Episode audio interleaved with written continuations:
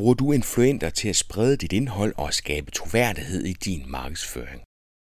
Eller er det kun forbeholdt de helt store virksomheder, dem der har råd til at betale spidsen af en jetjager, for at få en kendelse til at bruge deres SoMe-profil til at nå ud til deres følgere? Dagens ekspert tror mere på mikroinfluenter. Ja, i virkeligheden mest på det, han kalder for mikro-mikro-mikroinfluenter. Og det er til en helt anden pris. Episodens emne er influencer marketing, og eksperten er Rasmus Arndt Nielsen.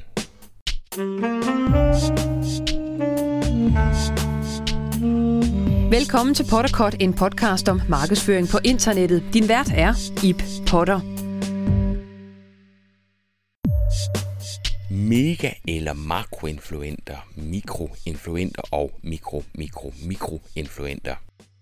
mikro-mikro-mikroinfluenter. Volapyk, så hold fast, for i denne episode, der får du en fantastisk jordnær og ikke mindst ærlig version og definition af influenter markedsføring.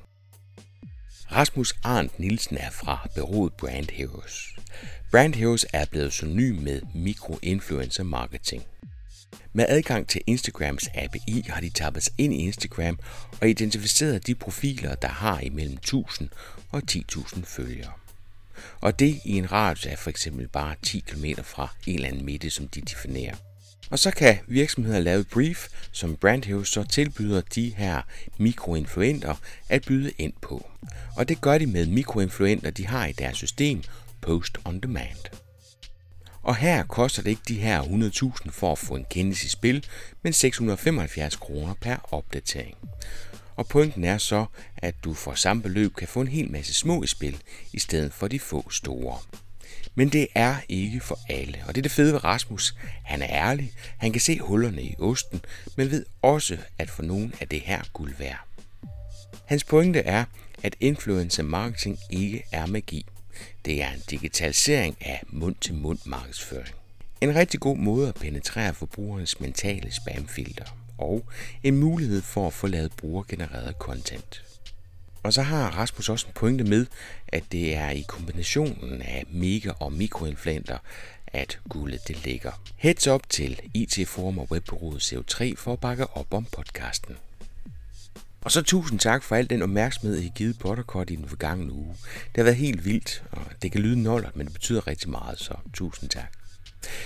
Men nu skal det handle om influenter markedsføring, og en helt nede på jorden og ærlig version med episodens ekspert Rasmus Arndt Nielsen. Jeg hedder Rasmus Arndt Nielsen. Jeg er co-founder og øh, kommersiel chef, eller kommersiel ansvarlig i virksomheden Brand Heroes. Vi arbejder med mikroinfluencer marketing. Vi er to og et halvt år gammel og sidder nu øh, 30 rigtig, rigtig dygtige kollegaer på kontor i Aarhus. Kan du ikke lige prøve at forklare, hvad er influencer marketing? Jo, øh, man kan sige, at influencer marketing er jo øh, noget, der er dukket op som et nyt forsøg inden for hele reklameverdenen på at penetrere forbrugernes mentale spamfilter. Den tager vi lige på jysk. Ja, man kan sige, øh, en gennemsnitlig dansk forbruger er eksponeret for et sted mellem 3.000 og 3.500 kommersielle budskaber om dagen. På tværs af alle de her både online og offline kanaler, vi nu bevæger os på. Og det er klart, at Øh, den her overeksponering fører til, at vi som ganske normale forbrugere får et mere og mere effektivt mentalt spamfilter, der sorterer alt det her i gås en ligegyldig push-kommunikation fra. Og der har vi jo alle sammen inden for reklameverdenen stået med vores rucola-salat stikkende ud af mundvigene og prøvet på forskellige metoder og, og finde nye ting, der kunne penetrere det her famøse mentale spamfilter. For 8-9 år siden, der kom contentbølgen skyldende ind over os, hvor vi alle sammen skulle til at fortælle historien om, fra jord til bord, så kom hele øh, den den primært digitale bølge skyldende ind over. Så så for en 3-4 år siden, så begyndte vi, altså begyndte mange at tale omkring influencer marketing som et andet middel, eller en anden metode til at penetrere øh, forbrugernes mentale spamfilter. Og man kan sige, at grundpræmissen for influencer marketing har jo været, at vi stoler mere på folk, vi ser op til, end folk, vi kender, end på traditionel reklame, der er formidlet eller kommunikeret af virksomheden selv. Og da vi startede, eller da man i branchen startede med at snakke om influencer marketing for for de her 3-4 år siden, jamen, så handlede det om, at vi fandt en eller anden stor kendis. Det kunne være en reality baby, eller en fodboldspiller, eller en rockstar, eller nogen, der på anden måde er kendt i en anden sammenhæng, som har fået et stort antal følgere på et socialt medie. Og præmissen var jo selvfølgelig, at vi brugte deres troværdige relation til et stort antal følgere til at formidle de budskaber, vi nu gerne vil formidle på en let og på en subtil måde. Og Den branche har som alle andre brancher også udviklet sig, og nu snakker vi om forskellige lag inden for influencer marketing. Helt oppe i toppen, der har vi de her superstjerner. Nogle kalder dem mega, andre kalder dem makroinfluenter. Øhm, dem er der nogen i Danmark af, som gør det ganske, ganske glimrende. Det er ikke noget, vi beskæftiger os frygtelig meget med. Så har vi en stor gruppe af de her, øh, jeg spiser skyr med goji-bær og kiafrø-influenter. Og uden at træde for mange over tæerne, så kender vi måske alle sammen nogle af dem. Det er typisk kvinden, der har tabt sig en 13-14 kilo hen over sommerferien. Så har hun løbet 5 km til alt for damerne på en time og 13, og så har hun startet en blog. Og, og, og alt er respekt for det, øh, og alt er respekt for, at hun vil fortælle om, hvad der har fungeret for hende. Men den er rigtig, rigtig svær, svær at kommercialisere en blog eller en Instagram-profil, hvis man ikke har nogen, der følger den. Så er der jo heldigvis kommet en, en kæmpe stor industri for de her falske følgere, primært fra Indien, hvor du kan købe 30.000 følgere til 599 dollars, og så kan du så også betale en månedlig subscription for, at de lov at like og kommentere dine opslag. Og det gør måske, at vi skal begynde at overveje, om vi længere kan definere indflydelse ud fra de samme parametre, som vi hidtil har gjort netop, hvor mange følgere har du, og hvor stor en engagement. Og så har vi længere nede i pyramiden, eller længere nede i trakten, øh, de her mikroinfluenter, øh, som er ganske normale mennesker, typisk som er passionerede inden for et bestemt område, øh, som ikke nødvendigvis ser sig selv som en influent, men som bare repræsenterer et stort kommersielt aktiv. Det kunne være den lokale CrossFit-instruktør for Horsens, eller øh, den lokale øh, fashion pige fra, øh, fra Storebyen, som vi ønsker at engagere som brandambassadør. Og det er egentlig hele præmissen for mikroinfluencer marketing. Den er rigtig, rigtig svær at skære over en kamp, men typisk definerer vi dem som nogen, der har mellem 1000 og 10.000 følgere øh, på et socialt medie. 1000 til 10.000 følgere. Okay, det vil sige, at jeg kommer til dig og har et... Øh, kommer jeg med et budskab til dig, eller kommer jeg med et behov til dig? Hvordan, hvordan starter I typisk kunderejsen hos jer? Jamen, det er meget afhængigt af, hvilken kunde det er, men øh, typisk får vi et, et, et kundekampagnebrief, som øh, forhåbentlig ikke er for konceptuelt. Øh, jeg synes ofte, vi ser øh, et forsøg på, at både brands og bureauer øh, kommer til at konceptualisere for meget. Og det er mediet bare ikke givet til, uanset om du snakker store eller små influenter. Men vi får et, et kundebrief, hvad øh, er formålet med kampagnen, og hvordan kan mikroinfluenter eller influenter i generelt tale øh, bidrage til, til den her kampagne. Og så identificerer vi mikroinfluenter i målgruppen. Og hvordan gør I det? Jamen, øh, vi har platforme, hvor vi kan identificere dem. Vi har de første to år af virksomhedens levetid arbejdet rigtig meget ud for et API fra Instagram, hvor vi havde platform, hvor vi placerer sådan en, en virtuel pin på en hvilken som helst adresse i verden, og så kunne vi søge inden for en radius af 10.000 meter og identificere de mest indflydelsesrige personer, der netop bor i det her lokalområde, og så engagere dem som brandambassadører. Så vi har været enormt fokuseret på, på retail. Vi har været enormt fokuseret på at lave en online marketingsaktivitet, som kan skabe offline footfall og salg hos retailers. Det har så udviklet sig lidt. Vi har de seneste par år aktiveret 15.000 mikroinfluenter på tværs af 38 markeder, øh, og det er klart, det er en enormt ressourcetung opgave. Jo, vi har noget software, men det er klart, at øh, det kræver også noget manpower at håndtere den menneskelige dialog med så mange mennesker. Så derfor besluttede vi os for den 1. 6. 2018 at lancere vores nye koncept, vi kalder for Post on Demand, som er en app, hvor vi har et community af mikroinfluenter. Og til dem kan vi pushe kampagnebudskaber, det kunne for eksempel være at gå ned i din lokale 7-Eleven eller i dit supermarked, køb det her nye sodavandsprodukt fra et af de brands, vi arbejder med, og del et billede i overensstemmelse med kampagnebriefet og i de inspirationsbilleder, vi har lagt op i kampagnebriefet. Så uploader influenterne deres content-forslag i appen. Vi har et rigtig dygtigt content-team, som sidder og godkender, og i det øjeblik, vores content-team godkender, så, eller så, bliver, så bliver content delt på influentens egen Instagram-profil. Men nu har vi haft en influent nede i 7-Eleven, købe et produkt, bruge tid på at tage et billede af det og uploade det på ens Instagram-profil. Så vi er på en eller anden nødt til, måde nødt til at honorere dem. Og i disse øh, øh, kryptotider har vi jo så udviklet vores egen øh, pointsystem, eller kryptovaluta, om du vil, øh, der hedder brandcoins. Så vi honorerer influenter, hver gang de får godkendt et stykke content med x antal brandcoins, de så efterfølgende kan bruge på vores webshop som valuta. Og derinde der ligger der alt fra rejser til Finland og hovedtelefon og øh, skønhedsprodukter osv. osv. Så øh, hvad, vi troede, vi kunne automatisere processen med at udbetale de her brandcoins, men nu er vi jo pludselig blevet en mindre webshop, øh, der, der sender ret mange pakker ud hver dag. Så øh, der er også noget logistik, der skal gå op. Så jeg tilmelder mig det her system. Hvad kaldte du det? Post, Post on demand. Post on demand. Yes. Og så øh, skal jeg godkendes første omgang, ja. eller kan alle folk blive godkendt? Ja. Så jeg skal godkendes, og det gør jeg ud fra hvilke kriterier? Jamen det går ud fra de kriterier og den erfaring, vi har opbygget på, hvordan man er en god influens. Vi kan se på, hvem de er, hvem der følger dem osv. Og derudfra, der, der godkender vi jo så influenterne. Man kan sige, at communityet er jo ikke bedre end den dårligste influent, der er derinde, så det er vigtigt for os, at vi har et højt niveau af mikroinfluenter. Går I så ind og, og sætter noget, noget tagværk på? Altså, det, det er vel ikke ligegyldigt, hvad det er, man er influent indenfor. Kommer I nogle emneord på, eller definerer I bare influent som influent, og så yeah. må de vurdere, hvad det er, de vil pushe efter? Ja, altså man kan sige, vi, vi kan pushe øh, kampagner, der sådan, de kun er synlige for influenter i specifikke målgrupper. Og der har vi inddelt dem på demografi, og på geografi og på interesse. Så det er klart, at hvis du er dyrehandler i Horsens og ønsker at markedsføre din nye afdeling med sorte katte, så skal vi ret langt ned i materingen, og antallet af influenter, der er inden for netop den her målgruppe, er begrænset, så der kan man ikke forvente meget content. Men hvis du derimod er øh, IKEA, som vi lige har kørt en rigtig fin kampagne for i forbindelse med lanceringen af deres nye katalog, hvor vi egentlig gerne vil bredt ud, jamen så kan vi sende 400 eller 420 mennesker ned i IKEA svarehus, hente katalog og dele billeder af det i løbet af en ret kort kampagneperiode. Så på den måde har vi skabt enormt meget opmærksomhed på social media. Vi har skabt sindssygt meget content, som IKEA har rettighederne til at bruge efterfølgende, og vi har fået skabt footfall til IKEAs varehus. Den del af butikken forstår jeg godt, og jeg bliver honoreret med de her brand coins, og kan så gå ind og, øh, og høste fra, fra butikken derinde, hvor I har alle mulige forskellige produkter. Øh, hvordan afregner I i forhold til den, som har bedt om den her kampagne? Er det på, på reach eller på engagement, eller er det simpelthen en fast aftale, I har, at I bruger det netværk, I har, og så man så se, hvor, hvor langt tingene kan komme ud? Altså, vi er virkelig dårlige med matematik. Så vi har lavet en flat rate. Det koster 675 kroner per godkendt stykke content. Virksomheden eller brandet har øh, rettighederne til content efterfølgende. Vi får skabt salget hos deres forhandlere nede i butikkerne. Og så får vi selvfølgelig skabt noget opmærksomhed og noget legitimering igennem influentens egen profil. I de 675 kroner, der er også inkluderet den pris, vi nu har øh, værdisat de her brand coins med, som vi udbetaler til influenterne.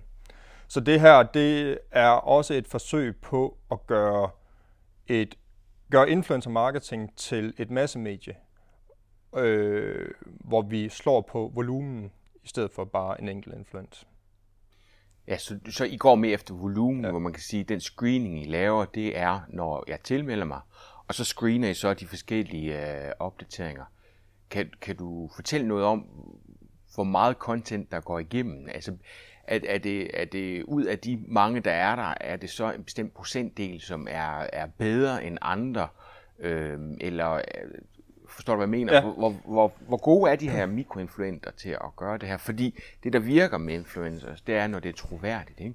hvor man ikke har fornemmelsen af, at de bliver betalt for det, fordi mm-hmm. det er jo vildt, det de bliver. Men, men ja, og, og der tror jeg så også bare samtidig, at vi må anerkende den virkelighed, vi lever i. At den grundlæggende præmis, der fungerede for influencer marketing for fire eller fem år siden, hvor man slog rigtig, rigtig meget på autenticitet og troværdighed, eksisterer stadigvæk men den er blevet mindre værdifuld, end den har været tidligere.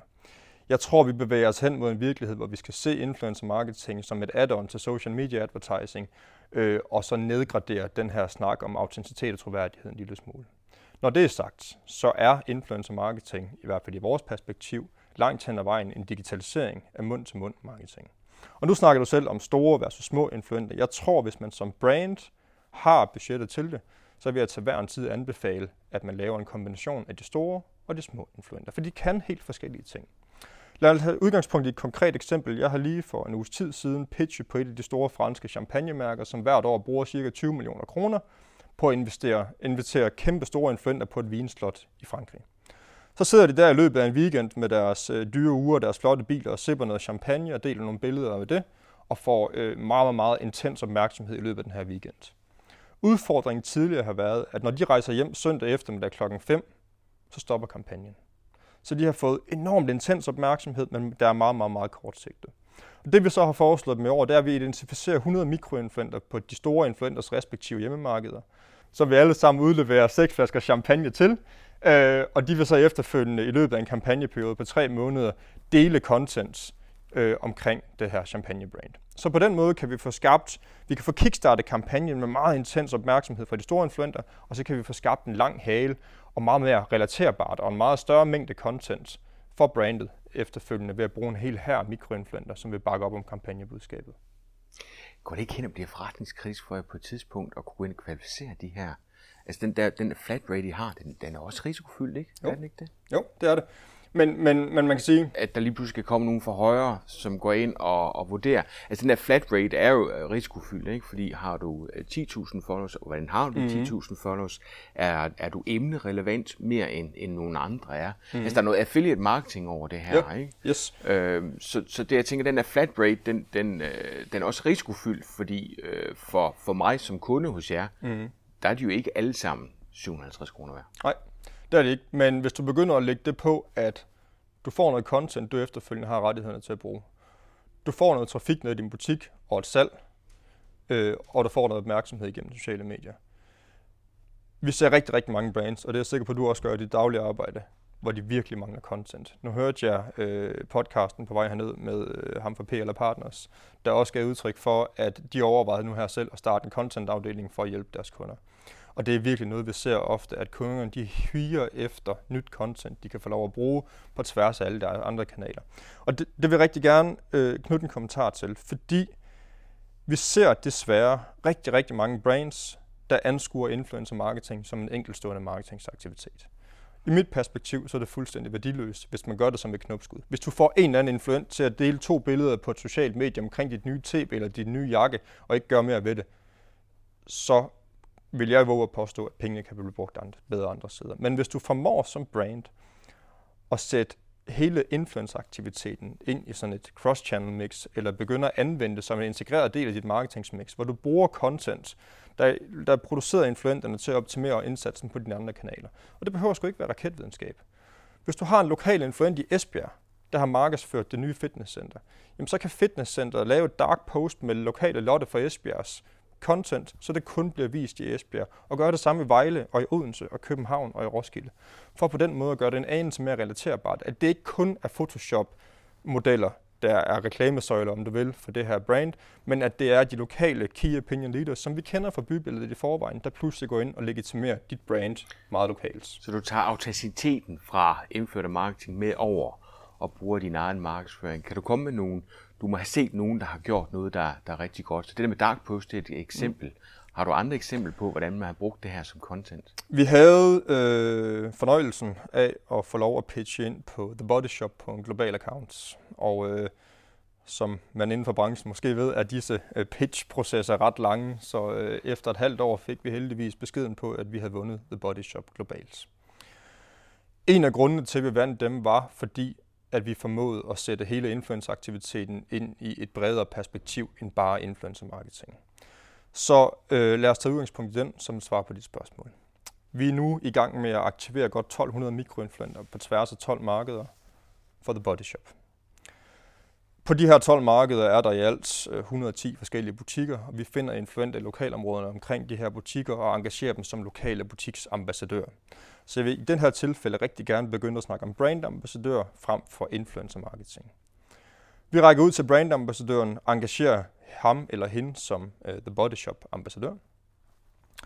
Og de bliver udstyret med et digitalt stempelkort. Det stempelkort, det bruger de, når de skal ned i den lokale butik for at hente nogle produkter. Så lad os antage, at du bliver ambassadør for The Body Shop i IKAST. Du går ned i den lokale Body Shop butik, og der står noget enormt kvalificeret personale, som analyserer din hud. Du får at vide, at du har øh, tyk hud, eller fedtet hud, eller jeg ved sgu ikke så meget om hud, en eller anden form for hud, og du får så 20 produkter med hjem, der passer til din hudtype. Så deler du noget content med det, og hver gang du deler content, så bliver det digitale stempelkort fyldt op. Når det stempelkort er fyldt op, så kan du hver tredje måned gå ned i Bodyshop igen, vise dem stempelkortet og få udleveret en ny omgang produkter. Det er i bund og grund den normale måde at drive en influencer-kampagne på. Vi får nogle influenter til at dele noget content, og så plejer det ofte at stoppe der. Men vi vil rigtig gerne tage det skridt videre for The Body Shop. Så de kan bruge content for influenterne på lokale abribyer rundt om i bybilledet. De kan lave dark posts på sociale medier. De kan bruge det i deres display-annoncer.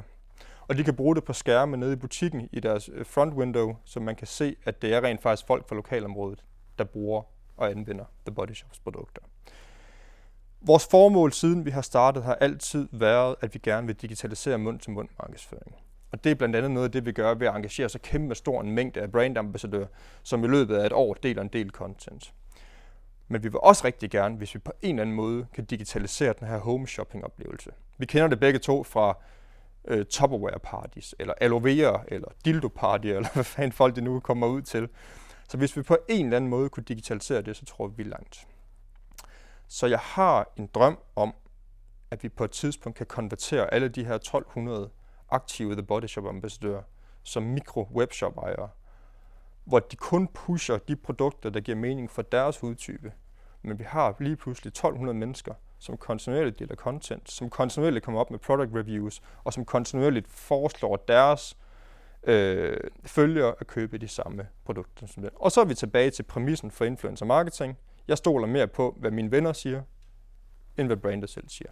Øh, en hver, der har været ind over de koncepter, som kører home party, ved, at det, der er rigtig svært, det er, at der er mange af de der home party, som er gode til at sælge til dem, som er deres nære netværk. Og det vil så sige, når de har gjort det, så stopper festen der. Guldet for dem ligger jo i at kunne sælge til deres netværks netværk. Ja. Er du ikke lidt ude det samme? Hvis man har de her 10.000 followers, bliver det ikke på et tidspunkt øh, for meget det samme, så hvor lang tid kan jeg blive ved? Altså, går I på noget som helst tidspunkt ind og prøver at kvalificere de her mikroinfluencers til at blive bedre til at, at dele og, og få skabt engagement? Eller er det ikke en del af jeres opgave? Jamen det er klart, at, at, at, at man kan sige, det medie, vi repræsenterer, er mikroinfluenter, som alle sammen er, er, er mennesker og kød og blod med en hjerne. Så øh, vi vil gerne forsøge at præge dem i en retning, men vi kan så også omvendt se, at hvis vi forsøger at præge dem for meget i en retning, som ikke passer til, hvem de er, så står de af på det. Vi skal huske på, at de her mikroinfluenter ikke har det her som deres levevej, men at de bliver enormt doperet, hvis du er lokal crossfitter, og du har en stor interesse inden for crossfit, at du så pludselig, pludselig bliver kontaktet af det officielle brand, men forespørgsel om du kunne tænke dig at være brandambassadør for dem. Men det er aldrig nogensinde noget, at de har gjort, og de har aldrig nogensinde set sig selv som et kommersielt aktiv. Tilbage til snak omkring webshoppen. Jo, øh, vi kommer nok aldrig nogensinde til at digitalisere pyramidespillet. øh, men hvis vi kan have 1200 brandambassadører, som alle sammen har, lad os sige i gennemsnit 6.500 følgere. Bodyshop kommer jo også med nye produkter hele tiden. Og det er jo også en fin måde at få produktlanceringer igennem. Det er sindssygt dyrt for The Body Shop, og det er, det, det er også for alle andre retailers. Det er sindssygt dyrt at åbne nye butikker, og mange af dem kan kun have én online salgskanal, medmindre de bruger øh, andre platforme til det. Så hvis vi lige pludselig kan begynde at have 1200 mikrowebshops, hvor der dagligt kommer nyt content op, og så lad os sige, at det kun bliver solgt for 10 eller 15.000 kroner om året, så er det alligevel en alsendelig mængde, netop fordi der er så mange andre fordele med det. Der er content, der er hele den SEO-mæssige værdi af, at der er sindssygt mange mennesker, som dagligt laver product reviews omkring det, øhm, og det gør det bare noget mere jordnært og relaterbart for The Body Shop som brand, at rigtige i gåsøjne mennesker, de også begynder at lægge sig mere af deres brand. Mm. Hvor er det, jeres mikroinfluencer deler det her indhold? Er det kun Instagram, eller er der også nogle af de andre sociale medieplatforme? Øh, indtil videre har det kun været Instagram, vi har arbejdet med og på.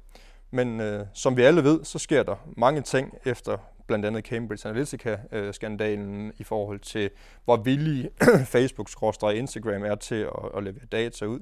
Så vi har egentlig haft det som en helt fast strategi, at vi skal være uafhængige af Instagrams API. Så vi lancerer nu her inden for en måneds tid en ny platform, hvor vi er fuldstændig uafhængige af det som samtidig også betyder, at hvis du som influent er mere indflydelsesrig på Snapchat, på YouTube, på WeChat, på Weibo eller hvilke andre sociale medier, der er rundt om i verden, så kan vi også supportere det. Øh, så det har været en fast strategi fra vores side, ikke nødvendigvis kun at kigge mod Instagram, men at kigge på de medier, hvor influenten er indflydelsesrig. Og så tror jeg også, det er meget vigtigt, hvis vi kigger en lille smule ind i krystalkuglen på, hvordan det her det udvikler sig. For nu snakker vi startede vi snakken med at snakke omkring det her famøse mentale spamfilter, vi som forbrugere har opbygget. Og det kommer jo også i højere grad til at fungere over for det her medie. Men noget vi altid skal huske på, det er, at mund-til-mund markedsføring har altid og vil altid være den mest effektive markedsføringsform. Og derudover, så markedsfører vi på et medie, hvor en gennemsnitlig person, i det her tilfælde på Instagram, bruger 59 minutter om dagen. Da vi startede Brand Heroes i 2016, der var der 500 millioner aktive daglige brugere på Instagram. Nu er der over en milliard. Instagram vil stadigvæk have, at det kun er hver 8. post i dit feed, der er sponsoreret. Så hvis man på en eller anden måde skal tabe oftere end det, jamen så er influencers bare en god måde at gøre det på. Så vi begynder i højere grad at anskue det her som et, et supplement til den traditionelle social media advertising, hvor vi derudover får skabt noget content, og vi får skabt noget trafik til de forhandlere af de brands, vi nu arbejder med. Ja, for det er jo, det er jo risikofyldt, det der med en platform. Øh, en af de historier, jeg ynder at fortælle, det er, da vi lavede øh, digital markedsføring uh, konferencen i Holstebro for 12 år siden. øh, der solgte vi alle billetterne via Twitter og, og uden at have et website. Øh, Marketing Camp i år, der solgte jeg to billetter via Twitter øh, og rigtig mange igennem LinkedIn, som jo også fandtes for 12 år siden, men slet ikke havde, øh, havde det samme øh, effekt. Så, så det er da også noget med at sørge for at sprede sig ud, fordi lukker det lige pludselig af for API'et, eller der sker noget andet, som gør, at folk ikke bruger Instagram. Bum, så står man der, ikke? Ja. Lige en kommentar til LinkedIn. Når jeg engang imellem har lidt fritid, så har jeg en stor, stor drøm om at begynde at begå influencer marketing på LinkedIn. Udfordringen er, at jeg får svært ved at få, profes- eller få folk til at prostituere sig i gåsøjne professionelt. Jeg får aldrig nogensinde en CFO til at sige, at Salesforce er fedt, hvis I i virksomheden bruger Oracle. Men jeg kan godt få en CFO til at markedsføre igennem hans LinkedIn-profil, at der er en ny stor konference for CRM-systemer i Berlin. Så på et eller andet tidspunkt skulle det undre mig, hvis vi ikke kommer til at tabe ind i hele LinkedIn-delen, og på en eller anden måde begynder at opretholde den her øh, influencer marketing tankegang inden for et B2B-segment. Det kunne sgu være interessant at begynde at arbejde ja. med. Og så er der også noget med honorering, for jeg tror, målgruppen på LinkedIn ikke nødvendigvis er interesseret i bit, uh, brandcoins. Men, Nej, men, men, men noget andet, som gør, at man bliver mere oprigtig ambassadør af det, man egentlig går ind og, og taler for. Altså, det kan jeg jo selv se. Det er, for jeg føler ikke, at jeg pusher noget som helst, men, men der er jo nogle ting, som jeg nævner i podcasten, som jeg oprigtigt er glad for, øh, Øh, og det får jeg ikke penge for, men jeg kan jo ikke lade være med at nævne det, fordi det er bare en del af min hverdag, og noget, som jeg godt vil dele med andre, fordi det giver en værdi til mig. Mm-hmm. Øh. Og så tror jeg lige som kommentar dertil, jeg tror grundlæggende, uanset om det er et B2B-sammenhæng eller en B2B eller BCC-kontekst, så vil vi, så er vi alle sammen ret primitive mennesker. Vi vil alle sammen gerne være en lille smule mere VIP end de andre. Så altså det, det, det, det må være grundlæggende for meget af det, vi sådan snakker om, uanset hvilket medie det nu er, at hvis vi skal på en eller anden måde få folk til at føle, at de er lidt mere end resten, så er vi bare langt. Og der tror jeg også, at man bør tale om, at når man strukturerer sin influencerindsats, så er det selvfølgelig vigtigt at have et mål med det. Og jeg synes personligt, at det allervigtigste mål med det, man laver som influencerindsats, det er at få skabt en tradition og en viralitet omkring dit brand, der gør, at alle mennesker deler content hver evig eneste gang, de er i berøring med brandet så lad os kalde dem mikro, mikro, mikroinfluenter. Det synes jeg, det er rigtig, rigtig vigtigt. Og der kan vi bruge store influenter, vi kan bruge mellemstore influenter, vi kan bruge mikroinfluenter, alle sammen til at få skabt den her tradition omkring, når du som person med 312 følgere på Instagram er i berøring med det her brand, så gør noget for at dele på det på sociale medier. Og et glimrende eksempel, jeg er ret sikker på, at vi alle sammen kan se det, når vi scroller ned igennem vores Instagram-feed, så ser vi en 5-6 tosser, der er ude at flyve, og selvfølgelig gerne vil formidle, at se mig, jeg er vigtig, jeg flyver en del. De har alle sammen taget et billede ud af ruden på Norwegians fly, og bum, der har Norwegian på en rigtig fin og subtil måde formået at placere deres logo i den caption, eller i den frame, vi nu tager vores billede. Og det er ikke fordi, det er raketvidenskab, men vi kiggede ind i Norwegian bare i januar og lavede en analyse på det, og så, at igennem de her mikro, mikro, mikro, altså helt almindelige mennesker, der er ude at flyve en tur, der er de også nødt til 7,5 millioner mennesker. Så gør nu, hvad man kan, og hvis man skal komme med et råd for hvad man skal stræbe efter, når man leger med influencers, så vil mit forslag være, eller mit anbefaling være, at man skal gøre, hvad man kan for at gøre sit brand shareable eller instagrammable. Og velvidende, at der er nok buzzwords i den her reklamebranche, men jeg kan ikke komme på et mindre buzzword end shareable eller instagrammable. Cool. Det kunne vi godt gå ud på, men Nå. nu skal det jo ikke være en reklame for, for, for, øh, for jeres system, men jeg kunne godt tænke mig at vide, hvad det egentlig vil kræve at, at komme i gang. Kunne vi prøve at bruge Marketing Camp som eksempel? Øh, til øh, den 21. maj 2019, der har den her konference i København, og jeg skal have solgt 350 billetter. Jeg kunne rigtig godt tænke mig at få skabt noget word of mouth, og så går jeg til dig. mm-hmm. så skal jeg have skabt noget content. Jeg skal have skabt et brief til dig, som kan få hjælp til det, eller det skal jeg selv komme med. Du kommer med øh, et ganske kort brief, der beskriver, hvad er formålet, hvad du gerne vil med kampagnen. Og hvis du er som øh, en del andre, så kunne jeg forestille mig, at du har tænkt et meget kreativt og svært eksekverbart koncept. Så vil jeg nok starte med at sige, Ip, det er sgu for svært. Lad os prøve at gøre det enkelt. Fordi vi er også bare nødt til at anerkende det faktum, at folk bruger ikke særlig lang tid på et medie, når de scroller nedad. Så vi skal have noget, der er enormt let afkodet i ganske, ganske kort tid. Så er vi vendt tilbage sammen med vores copywriter med et udgang, udkast til sådan et, et influencer-kampagne brief. Øhm, og så bliver vi der med at godkende det. Det pusher vi ud til den rette målgruppe, og vi får dem til at dele noget content, hvor de i bund og, bund og grund bare legitimerer øh, marketing camp og fortæller til deres audience, at de nu vil deltage. Men nu skal du lige overbevise mig om, at du har fat i min audience. Ja. Så hvordan kan du gå ind og definere dem, som potentielt set enten vil deltage i Marketing Camp, eller har et netværk, som vil deltage? Øh, det der, jeg glæder mig til, at vi åbner op for LinkedIn. Fordi det er måske ikke nødvendigvis det, social media-wise, at der er allerlettest at tracke på. Det er klart, at øh, hele den her specielt BTB, eller BTC-branchen, har vi, vi er enormt fokuseret på FMCG-produkter. Vi er enormt fokuseret på fashion og på skønhed og på de her ting. Jeg vil sige, at den dag, Thomas og jeg snakker om, at nu er det skulle lykkes med det her post and demand, det var, da vi hjalp Tulip med at fejre International Bacon Dag. Jeg elsker vores kunder, og jeg elsker de her fashion og beauty brands, og sådan noget, men de er de meget sådan, traditionelle influencer brands. Men den dag, at vi kan poste en kampagne, eller pushe en kampagne in-app, der siger, i dag er det International Bacon Dag. Gå ned i det supermarked, køb en pakke bacon for Tulip, gå hjem og lav din yndlingsret med bacon, og del et billede af det på sociale medier, hvor du hylder den internationale bacon-dag. Når jeg kan se, at vi kan lægge en kampagne op om morgenen, og samme aften har vi haft 40 indflydelsesrige danskere nede i Superbrusen, købe en pakke tulip bacon, og så de skulle alle sammen hjem og lave pasta carbonara om aftenen, så lykkes det. Hvis så kan vi begynde at ændre en adfærd, eller vi kan begynde at påvirke en adfærd, offline på baggrund af en online aktivitet. Og det var sgu interessant. Men tilbage til det, jeg spurgte om. Ja, ja. Nice try. Nice det var politikersvaret. Øhm, kan, du, kan du hjælpe mig med at, at identificere dem, som potentielt set er interesseret i markedsføring på, på Instagram? Og hvis ja, ud fra hvad? Er det ud fra tags? Er det ud fra deres content? Er det ud fra deres bio-beskrivelse? Er det ud fra dem, de har interageret med? I realiteten vil jeg kunne finde dem, der på en eller anden måde har tilkendegivet social media-wise, at de har deltaget i Marketing Camp sidste år. Og så kunne ja, vi... det vil gøre, fordi 200 200 af, 202 af dem brugte uh, hashtag MC 18DK. Ja.